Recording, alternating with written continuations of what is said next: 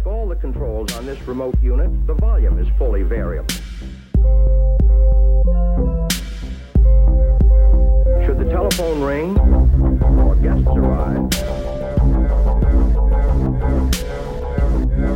Jag har alltså med mig data och erfarenheter från Ersta psykiatriska klinik. Ersta psykiatriska klinik har funnits i 51 år och har specialiserat sig på att ta hand om sjukvårdspersonals psykiska problem. Så vi vårdar vårdarna på Ersta. Eh, och eh, när vi för fem, sex år sedan kanske började upptäcka att antalet patienter med, eh, med eh, stressutlöst sjukdom ökade så drog vi igång ett mer systematiskt arbete med att kartlägga den patientgruppen och utveckla modeller för att hjälpa dem. Och till denna grupp lyckades vi knyta Marie Åsberg. Eh, så den, den person ni just har hört berätta om det här är väl den som vet mest om de här tillstånden i norra Europa i alla fall, brukar jag säga. Eh, så att det, det har varit väldigt, väldigt givande. Vi eh, eh har nu av olika skäl eh, blivit nedlagda så att vid årsskiftet försvinner tyvärr den här möjligheten för sjukvårdsfolk att och när det gäller eh, läkare så visade det sig eh, att eh, så småningom så blev läkarna den största eh, yrkesgruppen i gruppen utmattade patienter på kliniken. Jag kommer till det.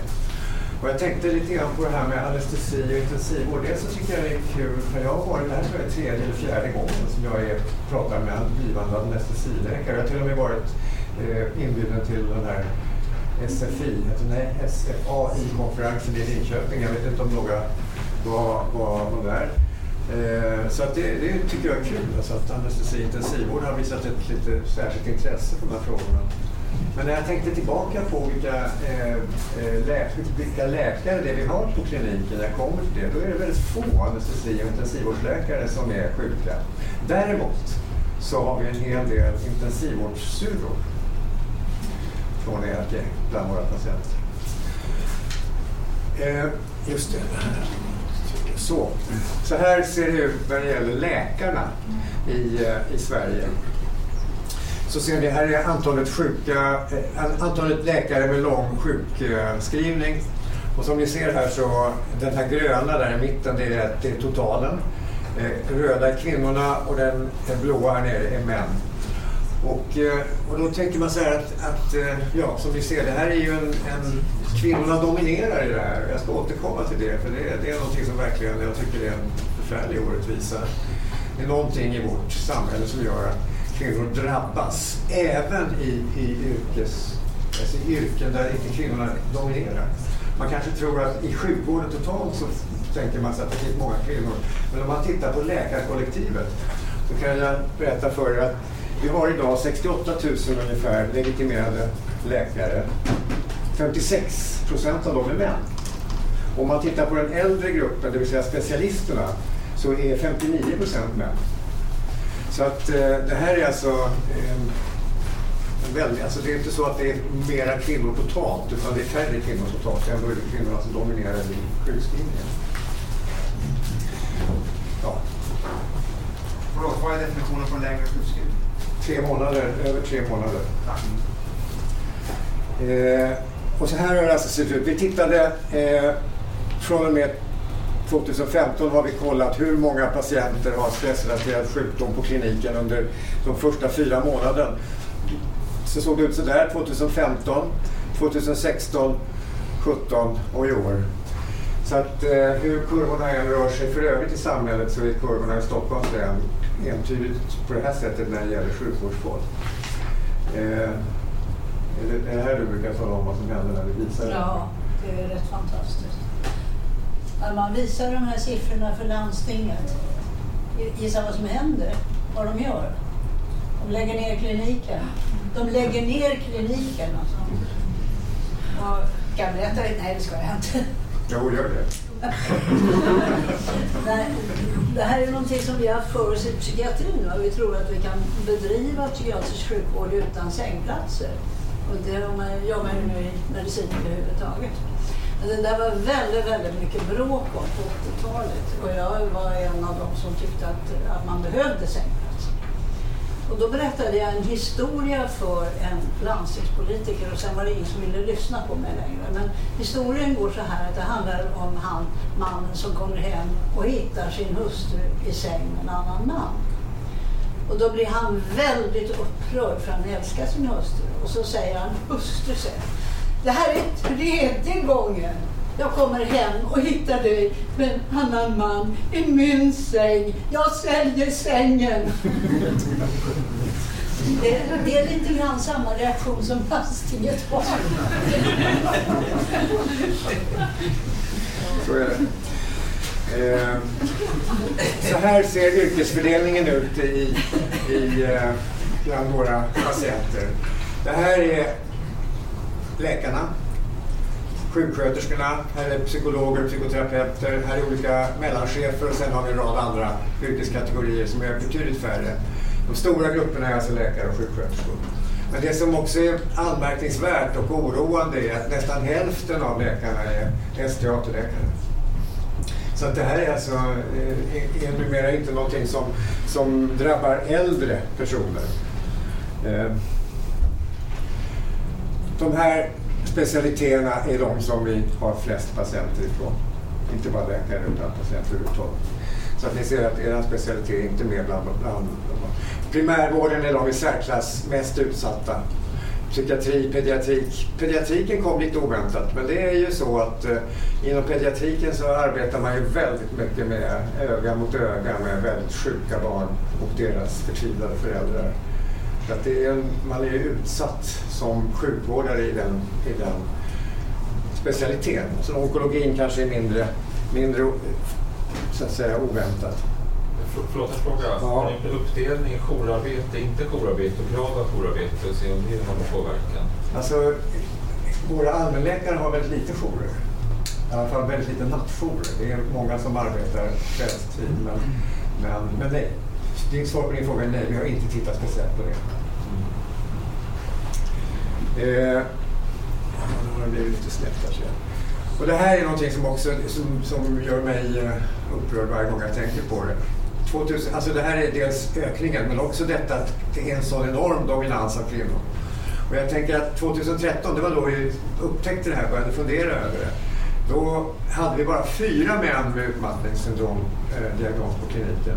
Och jag tror att det eh, handlar om underdiagnostik. Jag tror att eh, män har tenderat på andra diagnoser. Eh, och sen under den första perioden av vårt projekt så ser ni att där är det 84 procent kvinnor och 16 procent män. Och, eh, och det är alltså det är en, en eh, könsskillnad som inte går att förklara med X och Y-kromosomer eller med estrogeno, testosterone. Jag tänker på sifferunderlaget. Är det de som har fått diagnosen utmattningssyndrom på Ersta? Ja, det. Okej. Det har ingenting med att de har gått regelbundet hos er i, på terapi eller någonting annat utan de har kommit ett besök och fått en diagnos? Nej, inte ett besök. Det är väldigt sällan ett besök resulterar i en diagnos. Men det är, det är patienter som har kommit till oss under den här perioden och fått Ja. det som huvuddiagnos. Ja, men det är liksom inte, de måste inte ha fötts upp under en viss tid eller så. Jag tänker om det, om det vore fallet så skulle kanske några trillat ur. Plus att det finns en hel del väl som går via primärvården till någon annan instans och får diagnoser som inte är med i Det här är, det här är ju, alltså det här är ju inte ett, ett systematiskt gjort urval utan det här urvalet handlar om patienterna som själva kommit till oss Ja. eller blivit remitterade till oss. Ja, så att det finns fler än det här. Absolut, Ja. tror jag. De allra flesta. Och framförallt så tror jag att det finns väldigt många fler. Jag ser din hand alldeles strax. Jag tror att det finns väldigt många fler i de andra yrkesgrupperna som av någon anledning inte har tagit sig till Ersta. De kanske går hos husläkaren eller på någon annan stressmottagning. Och jag tänker mig att ett skäl till att det är så mycket läkare här tror jag delvis handlar om att läkarna vet att det finns. Eh, Åldersfördelningen. Eh, och det här är också ett, ett, ett uttryck för det här som oroar oss. Va? Vi har fått en, en grupp unga människor, det här är 30 till 35, som, som sjuknar tidigt i livet. Så den stora puckeln är mellan 45 och 50. Eller mellan 40 och 45 är det, jag här. Och, där, och det var ju mer förväntat. Men de här att eh, AT-läkare, ST-läkare. Nu var det din tur, förlåt mig. Jag tror, eh, har inte alltid haft beroendesjukdomar? Vad sa du? Ni har inte haft beroendesjukdomar? Jo, då, det har vi också. Så det är alkoholism och liknande, alltså för den här könsfördelningen där så att män kanske får andra diagnoser. Mm. Eh, har, det, har man noterat det? Alltså jag tror, jag tror inte att de har fått beroende... Jag tror att männen har fått diagnosen depression. Förstår du? Eller, eller äh, ångestsyndrom, sömnstörning. Förstår du? Jag tror att man har liksom valt att tänka så eh, innan det här har blivit mer alltså, tillåtet för män att, att ha den här diagnosen. I alla fall, det är någonting som går ner i åldrarna och eh, den yngsta patienten vi hade var en AT-läkare som var 28 år i, som var med i vårt det här projektet. Och då kan man fråga sig, är det här, är det här ett allvarligt tillstånd?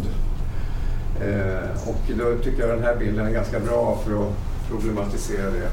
Det här är sjukskrivningsgrader och det här blåa här det är heltidssjukskrivning.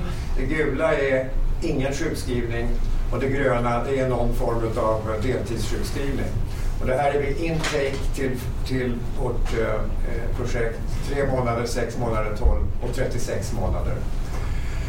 Eh, jag kan säga det att det finns, jag hinner inte gå in på det, men det finns någonting att berätta om det faktum att en del inte är sjukskrivna. Det jag gillar att säga är att några av dem hade chefer som var beredda att gå oerhört långt i att anpassa arbetet för att få behålla sin, sin medarbetare. Men, men det som är min poäng här, det är alltså att efter ett års tid så är fortfarande nästan 22 procent av eh, våra patienter heltidssjukskrivna. Alltså det vill säga människor som i sin krafts dagar blir sjuka i utmattningssyndrom, lyfts ur sin dagliga verksamhet, sin liksom, kliniska gärning, upp till ett år. Eh, det är alltså en mycket allvarligt tillstånd skulle jag vilja säga. Och det är en av de mest motiverade grupperna, arbetsmotiverade grupperna Ja, det är verkligen sant. Att våra patienter de vill ju inget annat än att komma tillbaka till jobbet. Eh, En av de patienter som jag brukar citera är en som djupt utmattad patient som fick veta att ja, vi börjar, till att börja med så måste vi sjukskriva dig åtminstone två månader. Men det går inte, jag ska ju föreläsa i Sydney nästa vecka. Det, det, är liksom det, det är den drivet som våra patienter har. Så om man tittar på andra material som finns i Sverige så är ofta den här siffran mycket högre. Den, eh, till exempel Kristina Lises material från Göteborg som har tittat på alla olika yrkeskategorier. Där tror jag hon landade på att fortfarande 28 procent var heltidssjukskrivna efter ett år. Så det tror jag också motsvarar just att det här är en kolossalt motiverad patientgrupp som verkligen vill tillbaka till jobbet och som är väldigt starkt, vi är ju väldigt starkt identifierade med vår profession. Vi arbetar inte som läkare, utan vi är läkare. Så är det ju inte många andra, på många andra, eller många andra jobb. Sen så tänkte jag skulle göra lite reklam för en skala som Marie förstås tillsammans med sina medarbetare eh, har, har utvecklat som heter Karolinska Exhaustion Disorder Scale KEDS. Och den här är fri på nätet, så googla KEDS så hittar ni den så kan ni kolla var det själv ligger. Eller, eh, eller eh, äh, använda den för att, eh, för att äh, till med patienter. Och den här är skalan mäter tio, eller ställer tio frågor till oss. Koncentrationsförmåga, minne, fysisk uttröttbarhet, uthållighet, återhämtningsförmåga, sömn, överkänslighet för sinnesintryck, upplevelse av krav, irritation och ilska. Eh, och då kan man, eh, får man en poäng när man gör det här. Och om man hamnar under 19 så är man på, på, en, på safe sida. Och våra patienter, här ligger 19, det är det. Eh, och våra patienter är vid intake så ligger de på 30 i, i, i medeltal genomsnitt. Och sen ser ni att, eh, att det går sakta men säkert. Det här är ett år, men, men inte ens efter ett års tid är patienterna i som på gruppnivå nere eh, på 19 som är liksom brytpunkten mellan utmattning och inte utmattning. Och om ni prövar den här, tittar på den här eh, skalan så 19, runt 19 där, då bör man nog fundera på och göra någonting åt sin situation om man ligger där. Och sen så har vi den där lilla punkten där. I alla våra utfallsmått så händer det någonting vid sex månader. Vad tror ni som händer då? Bedöms nog hela arbetsmarknaden. Precis. Det är då Då eh, får man inte vara Försäkringskassan. doktor längre. Då får man inte vara doktor längre. Nej, då ska man pröva för att kanske få utbildning till busschaufför. Ja, ni förstår. Och då blir alla våra patienter eh, försämrade. Sen brukar jag eh, gilla att ha med den här bilden. Eh, eh, Jan Stenmark, ni som har hört mig tidigare har sett den förut. Eh, och eh, eh, ja, den är väldigt bra faktiskt. Apropå det där du sa om hur, hur vår, vår eh, frontallob arbetar när vi sover. Eh, jag använder den som bakgrund för att gå igenom Kristine Maslaks sex faktorer för, för eh, eh, alltså riskfaktorer för utmattning. Ni får hemskt gärna fota det här, men om ni vill så kan jag ge er de här bilderna. Jag kan skicka dem till dig som en pdf så får ni dem aldrig om ni vill ha dem. Eh, arbetsbelastning det är en självklarhet att det, har man för mycket arbete så att man inte har resurser att klara av det, inte finns tid för återhämtning, så kan man bli sjuk. Och jag tänker på de bilder som Marie visade eh, angående när ni följde sjuk, sjukskrivningspanoramat i de här olika landstingen. Kommer ni ihåg de bilderna? Där var det ju tydligt så att när man, när man tog bort arbetskamrater från arbetsplatsen så fick de som var kvar göra mer. Och då blev de några år efter denna rationalisering också sjuka, eller sjukare. Eh, så att jag tror att den epidemin som vi såg då runt millennieskiftet handlade väldigt mycket om förändrad just arbetsbelastning. Eh, kontroll. Det var lite grann också det som, som fanns med i den här, eh, de här fyra punkterna som du tog upp. Att jag ska ha en möjlighet till rimlig kontroll över min arbetssituation. Flera av våra eh, allmänläkarkollegor som kommer som patienter, de berättar ju en situation där de, när de kommer till jobbet på morgonen och öppnar sin dator så upptäcker de att någon annan har fyllt deras tidbok med, med patienter. Alltså helt enligt eh, reglerna. Men då har de kanske, upptäcker de att flera av de här patienterna som kommer efter varandra är komplicerade, ganska svåra ärenden, men ändå har de bara 12 minuter på sig att ta itu med dem på ett vanligt återbesök. Eh, så att om jag inte har kontroll över min arbetssituation så är det en riskfaktor för, för utmattning. Belöning.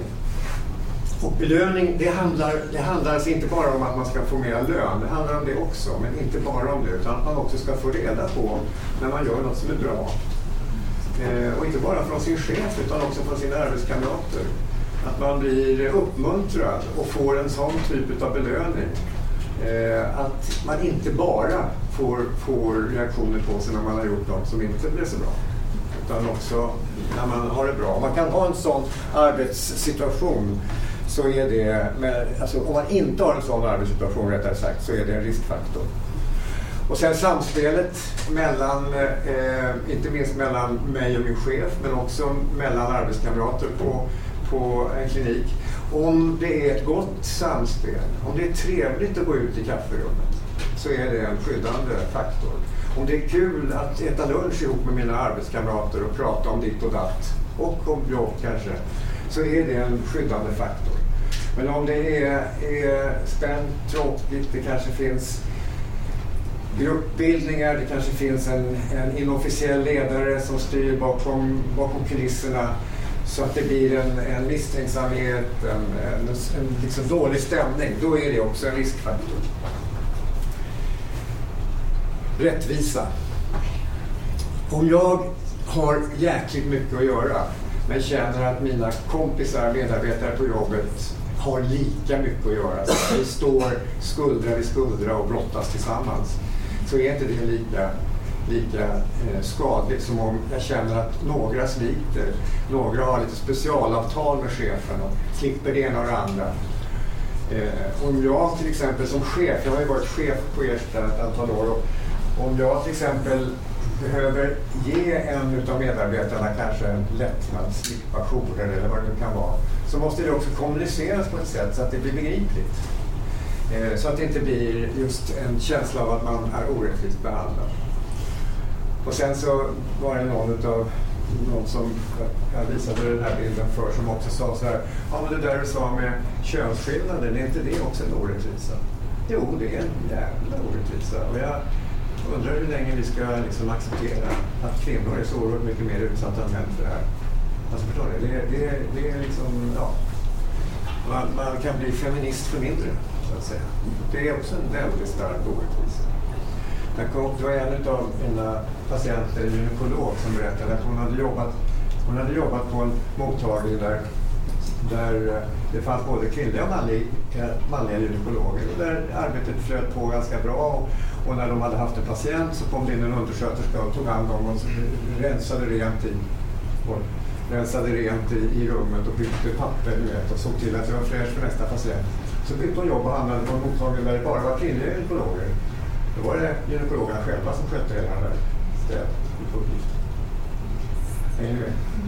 Bara som en sån här liten detalj alltså, om, om hur, hur små diskreta könsskillnader smyger sig in liksom, i, i strukturer på en arbetsplats.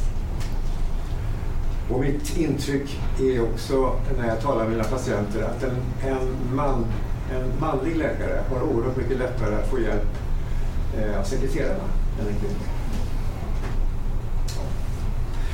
apropå rättvisa. Men det som egentligen är mitt huvudsakliga eh, ärende idag och som jag tror är en av de viktigaste orsakerna till att vi har blivit inne i den här nuvarande epidemin, i alla fall inom, inom Sverige kontaktyrken, det vill säga skola, omsorg och sjukvård.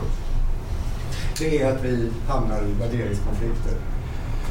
Det vill säga, vi tvingas handskas med, göra prioriteringar som inte står i samklang med de tankar och de ideal som gjorde att jag blev läkare en gång i tiden. Eh, jag tänker på en av mina patienter, än en, än eh, husläkare, erfaren medelålders kvinna som hade varit med i matchen under lång tid. Hon berättade att hon hade flyttat till en, eller bytt till en, annan, till en ny vårdcentral. Eh, och där hade man en sån här eh, regel att rutinåterbesök skulle ta 12 minuter. Och då satt hon med patienten, en medelålders man som var inne för en rutinuppföljning av sin blodtrycksbehandling. Och blodtrycket var okej och behandlingen funkade och så vidare. Och hon, efter nio minuter så gick man in för landning och skulle eh, liksom skicka lite labbremisser och kanske någon annan remiss eller någonting sånt där. Va? Och då säger man så här, och så har jag ont här också. Och då vet hon, eller då kan hon om hon vill ta fram, ta fram eh, mottagningens rutiner. Och där står det så här, om en patient kommer med ett andra problem under ett rutinåterbesök hänvisa patienten till receptionen för att boka en ny tid. Och det var ju inte aktuellt. Utan hon tog ju, tog ju hand om den här patienten förstås och, och, och gjorde så. Väl medveten om att det skulle liksom skaka om hela hennes dagsplanering. Hon skulle, hennes kommande patienter skulle sitta med stigande irritation i väntrummet. Arbetskamrater undrade varför hon inte gör sitt jobb. Hon skulle inte komma hem förrän sent på kvällen för hon fick skjuta upp all dokumentation. Ja, ni förstår. Så att, och det här sa hon, det här kan, ju, kan man ju klara av om det händer en gång. Men det här stod jag ju för nästan varje dag, någon sån här situation. Och det, det, då, då, då var det så här att då var hon tvungen att göra den här prioriteringen. Skulle hon prioritera i enlighet med sina värderingar så eh, hamnade hon i ett otroligt stressigt läge. Och det är här den här cynismen kan komma en till hjälp, så att säga. Förstår ni? Man blir cynisk och ah, skitsamma. Ah, jag hänvisar patienten till receptionen enligt rutin. Ja, ni förstår, det, det är liksom eh, den, och det är det, det jag brukar säga till, till unga kollegor. Att när ni märker att ni börjar bete er på ett sätt som inte är som ni brukar vara. När ni märker att plötsligt så liksom bryr ni er inte på ett sätt som ni brukar bry er. Då är det en varningssignal. Det är en varningssignal för att man håller på att bli utbränd. Och det kan ju som ni har hört leda till att man blir utmattad. Eh, Eh, jag kommer att återkomma till det här. Alltså det är inte den här stressen hörni, som vi blir sjuka av. Den, den här stressen, den, den gillar vi. Den, den mår vi bra av. Det är den vi har liksom utbildat oss för att ta itu tur med. Va? Här, det är springa i korridoren med en sjuk patient på det här sättet. Det, det är liksom jättebra. Det är fint. Det är det vi ska göra. Eller hur? Det är den här stressen som, som vi kan bli sjuka av. Och nu ska jag bara kort berätta för er lite grann om, om eh, en, en undersökning som eh, Läkarförbundet gjorde. Så vi fick, den är opublicerad, men man gjorde 2015 en jättestor eh, enkätundersökning bland, bland eh, ST-läkare. Inte, ja, inte bara ST-läkare utan allmänläkare, både specialister och ST. Och så tittade man på, eh, man ställde en massa frågor och vi fick tillgång till det här materialet, Marie och jag, och lyfte ut några som handlar om, om de här frågorna just. Och det här är tusentals som har svarat på de här enkäterna. Eh, och frågan då var så här, upplever du ofta en oacceptabel tidspress i ditt arbete? Eh, och då är det 80 procent som gör det. Och det här är specialisterna i allmänmedicin. Hästläkarna var marginellt, marginellt eh, ungefär samma siffror. Och sen ställde man frågan så här. Ersättningssystemet innebär att jag inte kan arbeta utifrån de etiska principer jag skulle önska att jag kunde följa. Och som ni ser här så av specialisterna så var det 79 som svarade att de inte kunde arbeta fullt ut etiskt på grund av de här eh, ekonomiska ersättningssystemen. Och så här ställde vi, lyfte vi fram frågor som ställdes till ST-läkarna, men jag har med specialisterna inom parentes också. Finns det tillräckligt med administrativ personal? Ni ser, det är inte... Ja, nu hade jag lite för bråttom där. Så. Eh, så ser ni där att eh, ungefär hälften säger det bland ST-läkarna, lite fler bland specialisterna. Jag har goda förutsättningar att styra över min tidbok. Ni ser, det är bara 43 procent av ST-läkarna som tycker det och bara 39 av specialisterna. Min närmaste chef ger mig den feedback jag behöver. Ja, ni ser, det är hälften som tycker det bara. Och vi vet att det här är jätteviktigt. Jag har goda förutsättningar att påverka mina arbetstider. Ja. Det är alltså inte så många. Och sen den sista frågan här. Jag har förtroende för det system för avtal och ersättningar som vårdcentralen arbetar efter. Ja, utan att tala för sig själv. Och det här eh, är alltså... Det här är ju... Det här är allvarligt. Om vi inte har förtroende för det system vi arbetar i så, så, och, och, alltså, och det leder till att vi, vi misstror det system vi arbetar i. Och jag brukar tänka så här att, att när, jag, när jag var chef så eh, efterfrågades det vissa saker. Vi efterfrågade till exempel att jag registrerade alla KBH-koder. att alla eh, kvalitetsindikatorer blev registrerade, att jag hade mitt eh, kvalitetsledningssystem uppdaterat och om jag gjorde det här, då fick jag liksom, blev jag okej-stämpla. Och jag dessutom om jag hade en budget i balans, då var jag okej som chef. Det var nästan aldrig någon som, som eh, brydde sig om att, eh, att vi utvecklade nya behandlingsmetoder för personlighetsstörningar. Att vi drog igång ett jättestort projekt för utmattningssyndrom. Eh, så att det är, det är som att det som, det som definierar mig som chef är om jag levererar alla de här mätbara indikatorerna till mina, min ledning och till beställarna. Det är inte frågan om vad jag gör inom min profession. Så det är som att eh, hela alltså, systemet, beställarna, de vet att vi människor är korrupta. Alltså måste de kontrollera att vi levererar det vi ska för skattepengarna. Ja, så långt är jag med. Men då väljer de att, att göra den kontroll genom alla de här mätbara meningslösheterna som egentligen inte någon patient har någon större glädje av överhuvudtaget. Och det här skapar en, en, en ömsesidig misstro. Så att jag känner att, att tilliten till mig som proffs, som klok, kapabel, omdömesgill, professionell person är liksom väldigt låg. Istället så betraktar man mig som en potentiell korrupt person som försöker lura systemet. Ja. Och det här tror jag är någonting som skapar just också en förutsättningarna just för en för en etisk samvetsstress hos sjukvårdspersoner. När man liksom känner att jag lägger ner tid och kraft på saker som inte kommer mina patienter till godo. Ja, slutsatserna det här är kontrollförlust, styrning och ledning av arbetet, oklara mål med mina arbetsuppgifter, frisk patient eller budget och sen en värderingskonflikt som ger mig samvetsstress och det kan leda till utmattning. Eh, så att min, jag har ju inte några vetenskapliga data på fötterna för detta, men min hypotes det är att den här eh, epidemin vi ser av stresssjukdom inom sjukvård nu, att den handlar om etisk stress i lika hög grad som, som att man har för mycket att göra. Man, har för mycket, man gör för mycket av saker som man inte tycker är meningsfulla. Jag ska bara göra lite reklam här för, en, eh, för Svenska Läkaresällskapets sida, som ni ser här. Eh, här finns det faktiskt en, eh, en hel del intressanta saker. Bland annat finns det en kort intervju som är filmad med Britt Skogseid som är vice ordförande i Svenska Läkaresällskapet. Hon är professor i tumörbiologi i Uppsala för övrigt, men som, har, som är väldigt klok och säger väldigt bra saker. Så det kan jag, kan jag verkligen rekommendera.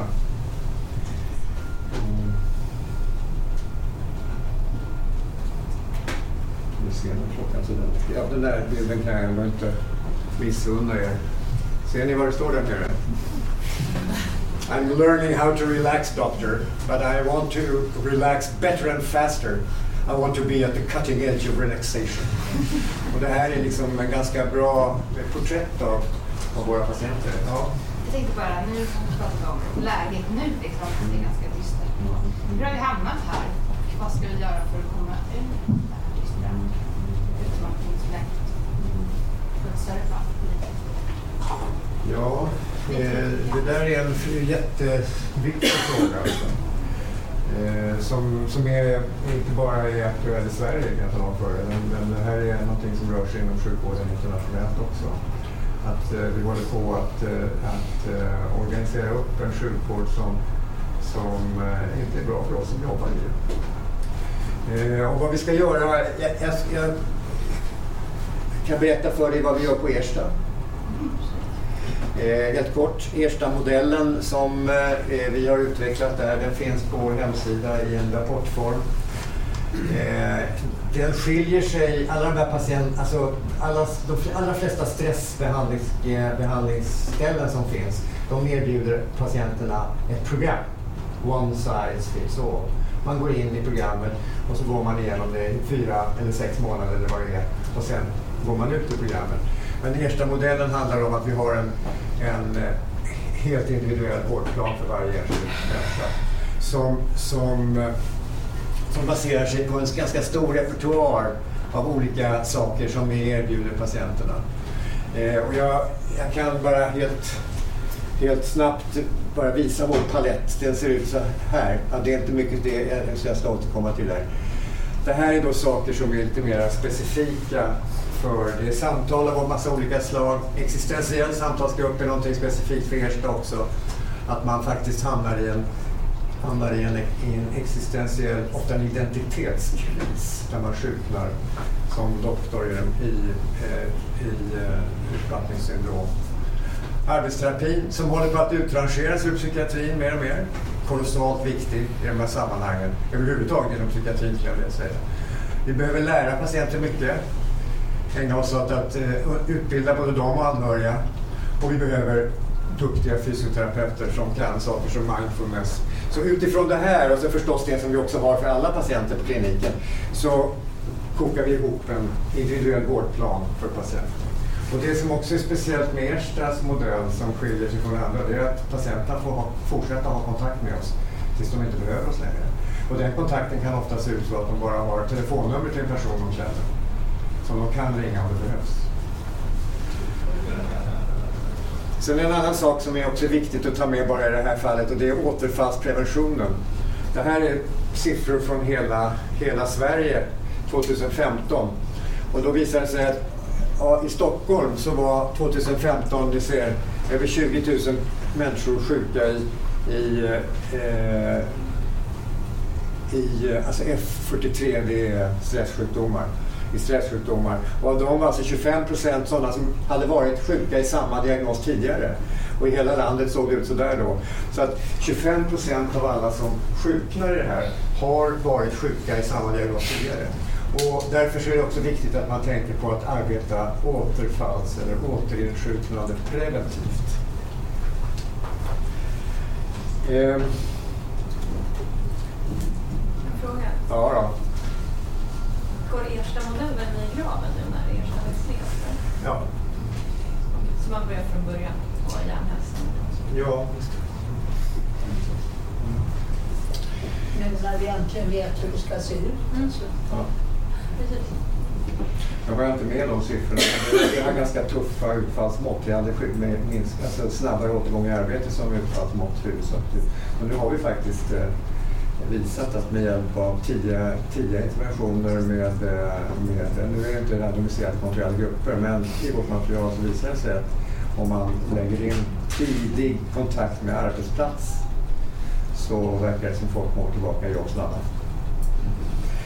Eh, Ja, det här är alltså den där bilden som Marie visade och det där är ju det vi lägger ner massa kraft och, och kräm på. Men det där är ju där, det är ju här som vi borde, och nu kommer vi till de här frågorna, vad ska vi göra för att undvika? Och eh, det är ju den här delen som, som, där man skulle kunna förebygga det här och vad man då skulle spara i, i frågan om mänskligt, minskat mänskligt lidande. Eh, minskat krångel på arbetsplatser eftersom folk inte blir sjuka. Eh, och inte minst också ekonomiskt minskade eh, kostnader för Försäkringskassan och våra försäkringssystem. Men när folk frågar mig så här, jaha, vad gör du för förebyggande arbete? Då brukar jag bara svara ingenting. Därför att jag får inte några pengar om inte patienterna redan har en diagnos. Så, så, så ser det ut. Alltså. Och, Eh, en, en riksdagsman för Liberalerna som heter Bengt Eliasson, han var kommunalpolitiker i Halland innan han blev riksdagsman. Han berättade att han hade kommit på att han hade utvecklat då i Halland på lokal nivå där ett projekt som handlade om att man skulle, man skulle ta pengar från, från eh, sjukkassan och lägga på prevention eh, för att spara pengar sen. Det finns mycket som talar för att det skulle vara en jättebra idé. Men då visade det sig att då skulle man gå med dubbla kostnader ett par år och då röstades det ner. Ja, så eh, är det tyvärr. Eh, Vår utmattning att förebygga, ja det gör det. Och eh, vi får se om jag, hur långt jag hinner. Men, men vi, vi, jag brukar prata om det på individnivå, på arbetsgruppsnivå, på arbetsledarnivå och på samhällsnivå. Jag kommer hinna säga någonting om vad är klockan? Hon är, ja, jag kommer nog kanske hinna gå hem där till och med. Ja, bra. Och på individnivå eh, så det här tänkte jag du skulle få säga Marie. Det, det här tycker jag du är bäst på. Om ni tittar på den där som Marie visade, ni vet med skola, omsorg, vård här uppe. Så har vi en intressant där nere, va? Ser ni? Såg du det? Det är militären. Marie, den här bilden brukar du, brukar du berätta Nej, jag brukar, när, när jag såg den där, så, när, först när jag såg den där bilden så, så tänkte jag, eh, det är klart. Så där ser det ut. Jag tänkte, det är väl klart att militären har ingen sjukskrivning, det är ju inget krig. Va? Och så tänkte jag, gud så dumt av mig. För de är ute på mission så det, ni anar inte vad mycket svenska militärer som har varit ute på det mest gräsliga saker. Så det är inte viktigt. Så jag började tänka på resiliensträning och på selektion och alla möjliga sådana saker. Sen kommer jag ihåg när jag var ung och gick i doktorskolan så var ju kompisarna av mankön, de var ju ute på sådana där eh, lumparövningar och berättade när de kom tillbaka vad man gjorde när man låg i lumpen. Och, och då föreföll det för mig som om, om det, ja, det är klart de åkte på sådana konstiga marscher, de lärde sig skjuta, de lärde sig lägga sängen och sådana bra saker. va. Men när de, och, och soldater i allmänhet, va, när de inte slåss och inte mördar och inte bränner och inte våldtar och inte äter, vad gör de då egentligen? De sover. Det gjorde mina kompisar och det gör soldater i allmänhet. De sover så fort de kan. De lär sig sova nästan stående. Folk sover när de tolkar efter cykler och sover i alla möjliga sammanhang. Och den här underbara bilden hittade jag på nätet. Det är alltså svenska soldater i Afghanistan. Och ni ser vad de gör då. De ligger i en hög och håller om varandra. Det är ju kallt. Så det är säkert det bästa sättet att hålla värmen. Och ni ser att det här är ju mitt på dagen. Det är ljust ute. Och då tänker jag att det kanske ligger någonting i det. Har du med Churchill-bilden? Nej, tyvärr. Nej. Men eh, då, börjar jag tänka på, ni kommer ihåg Churchill? Nej, vi minns inte honom, men ni vet om honom. Han säger någonstans att vi är helt enkelt inte skapta för att arbeta från åtta på morgonen till tolv på kvällen. Inte heller för att leka under hela den tiden, säger han. Utan vi bör bryta av våra arbetsdagar och våra marscher om vi är soldater på mitten. Och eh, ni vet, det gjorde ju han. Han klädde ju av sig och satte på sig pyjamas och sov eh, mitt på dagen. Och det gick ju bra för honom. Det är klart han hade hjälp av det. Han drack en flaska skumpa till, till lunchen och sen gick det väl an att sova ordentligt. Men, men, men det, det ligger någonting i det, och det där med att alltid försöka ta alla möjligheter till återhämtning. Och det kanske är därför det går så bra för dem. Mm. Och det är kanske det vi skulle lära oss. Ja, just det. Min chef, Mm min mycket älskade handledare och chef, eh, som var professor på i psykiatri, han drog sig tillbaka efter lunch varje dag och la sig på en soffa och sov i 20 minuter. Mm. Mm. Det var fantastiskt. Men eh, om man inte kan det så kan man i alla fall göra en sak som vi har tänkt införa som tvång. va? Eller hur? Det får, du- nu får du fortsätta. Du nämnde ett ord där som just med militärer. Jag vet inte om ni har sett på Youtube, det finns eh, klipp, eh, så här, ja, bland alltså memes här. Det finns ganska mycket klipp på militärer som leker tillsammans. Jag, jag har inte sett eh, det fenomenet i någon annan arbetsgrupp. Sådär. Men alltså, de har väl liksom på vissa placeringar så blir det ganska mycket dödtid. Vilket också är en del varför man sover så mycket. Men alltså, vuxna människor i grupp som leker. Det har jag fan inte sett någon annanstans. Jag liksom... Kanske kan... Säger du? Brandmän. Ja, men brandmän. Innebandy. Hur är det för brandmän då? De... De spelar innebandy hela dagarna. Ja, fast det är riktigt. Alltså, sport ser man ju också i sådana där miljöer att det är liksom, de drar ihop Det eh, visste jag någon, inte, är det sant? svarvar en egen boll och spelar baseball när de är eh, borta i något. Eh, Jag tänkte bara på det här med Vi brandmän. kanske skulle leka doktor. Brandmän. ja, men så. Men i brandmän. Det är zebrorna. Ja. Det är riktiga zebror. Jag tror jag aldrig haft så mycket sömnbrist som i militären. Men om man tittar på en symptom, det finns ingen telefon. Man lever ju för stunden för dagen. Man får maten serverad. Du behöver aldrig planera någonting. Det går liksom inte. Det går inte att göra något annat än att leva för stunden, leka, sova. Så att då, det- jag tror alla de stressorerna försvinner när man är ute på det sättet. Sen tänker jag också att i, i, i det här läget så är man ju ömsesidigt beroende av varandra för att överleva. Mm. Bokstavligt talat.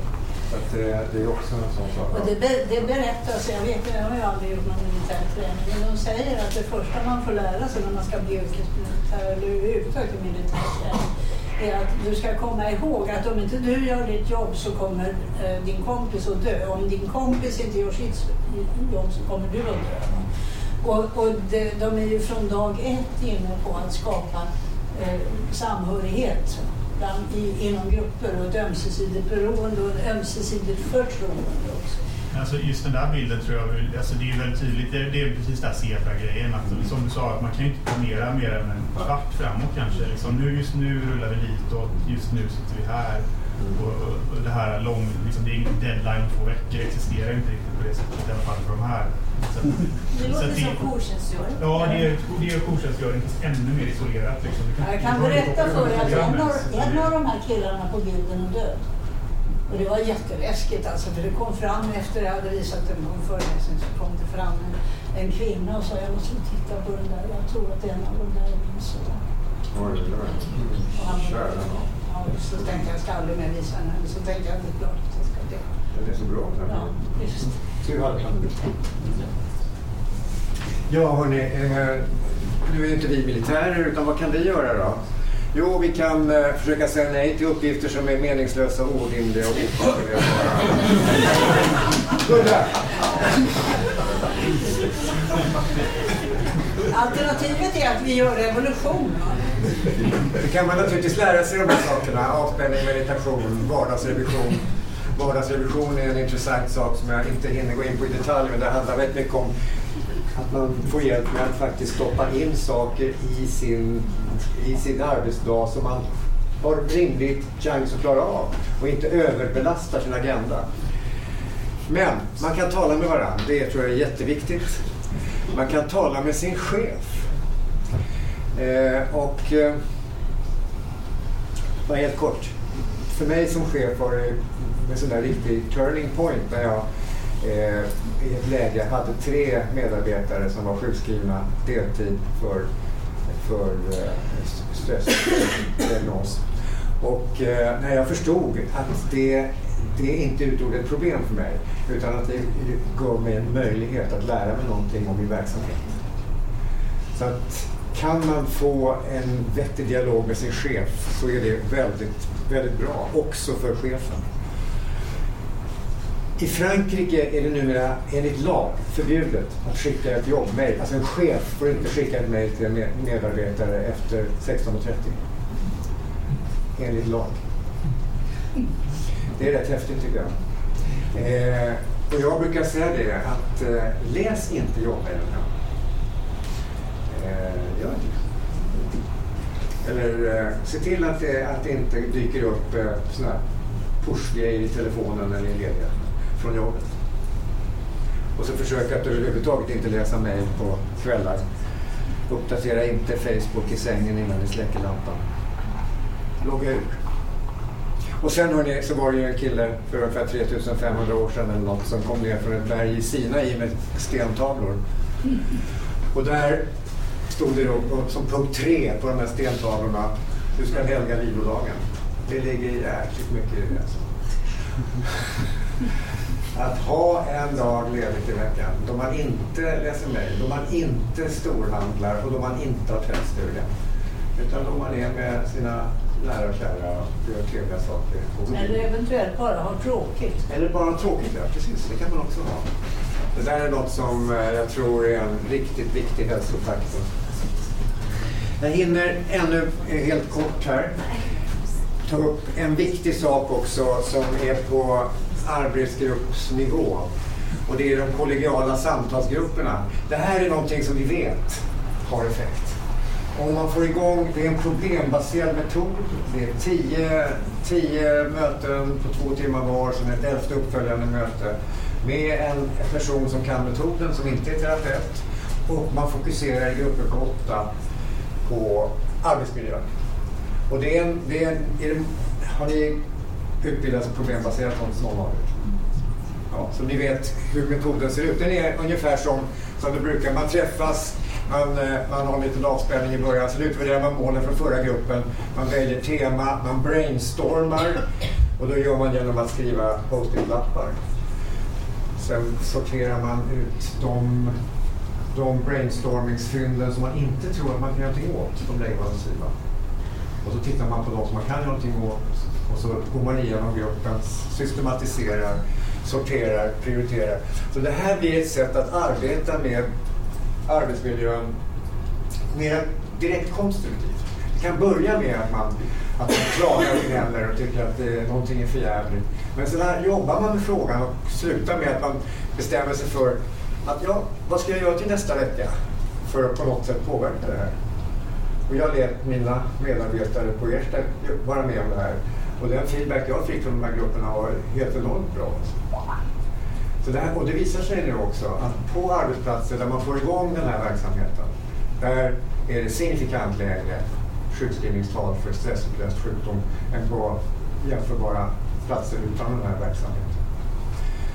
Det här är någonting som jag skulle vilja nästan lite grann missionera kring. Alltså. För att jag tror att eh, det är en fantastiskt bra metod för att, eh, vill du säga något Marie?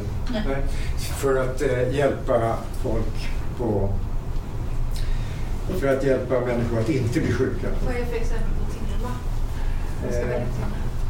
Alltså, ett tema som jag kommer ihåg, det var så här till exempel eh, att, eh, att eh, få ihop, att, att kunna lämna arbetsplatsen för att hämta på dagis. Hur, hur, hur, hur har det problemet sett ut? Hur har ni andra haft, upplevt det här? Hur har man kunnat lösa det? Är det någon, har vi några idéer? Hur, hur ska man kunna ta tag i en sån fråga? Eh, det kan vara andra mindre saker. Eh, till exempel eh, städläget i det gemensamma köket. Alltså förstår ni, det kan vara sådana saker. Men när man, liksom, man tittar på sådana, man identifierar stressorer i, i tillvaron. Det kan handla om så mer konkreta saker som att hur, kan man, hur, hur ska vi göra med, med, med mitt inflytande över min tidbok? Alltså sådana väldigt konkreta, konkreta frågor som, som kan komma upp. Hörrni, när det gäller de två återstående här så, så hinner jag inte gå in på dem i detalj. Men när det gäller arbetsledarnivån så är det så att, att vi chefer, nu är inte jag chef längre, men, men jag har varit chef i många år. Vi behöver lära oss väldigt mycket mer om det här. Eh, vi behöver förstå eh, när, när, vi, när det händer saker, eh, se vilka varningstecken som finns på, på, på vår arbetsplats och förstå vad vi ska göra för att förhindra att vi kan få... Vi har, vi har ju sett på Ersta vi har till exempel fem läkare från samma vårdcentral som patienter. Och då förstår vi att på den vårdcentralen är det något som är knas. Och då borde den chefen på den vårdcentralen kunna liksom kalla in expertis som hjälper att hitta strukturella organisatoriska eh, grepp som kan ändra på en sån här situation. Eftersom vi vet att det finns vårdcentraler där alla trivs och alla har det bra och jobbet funkar utmärkt. Så att, förstår ni, det, det är sådana saker. Och den slutliga frågan här, det är samhällsnivåfrågan. Och där, den kommer jag avsluta bara med en stämningsbild som ni kan, som ni kan eh, titta på sen i, i eh, när ni får bilderna. Då har vi tittat på människa, arbetsplats, samhälle, risk, kollaps, återhämtning och försökt att gå in lite grann på vad man kan göra. Och här kommer det där som du eh, eh, sa någonting om förut. Att man kan införa lunchtvång har vi tyckt. Va?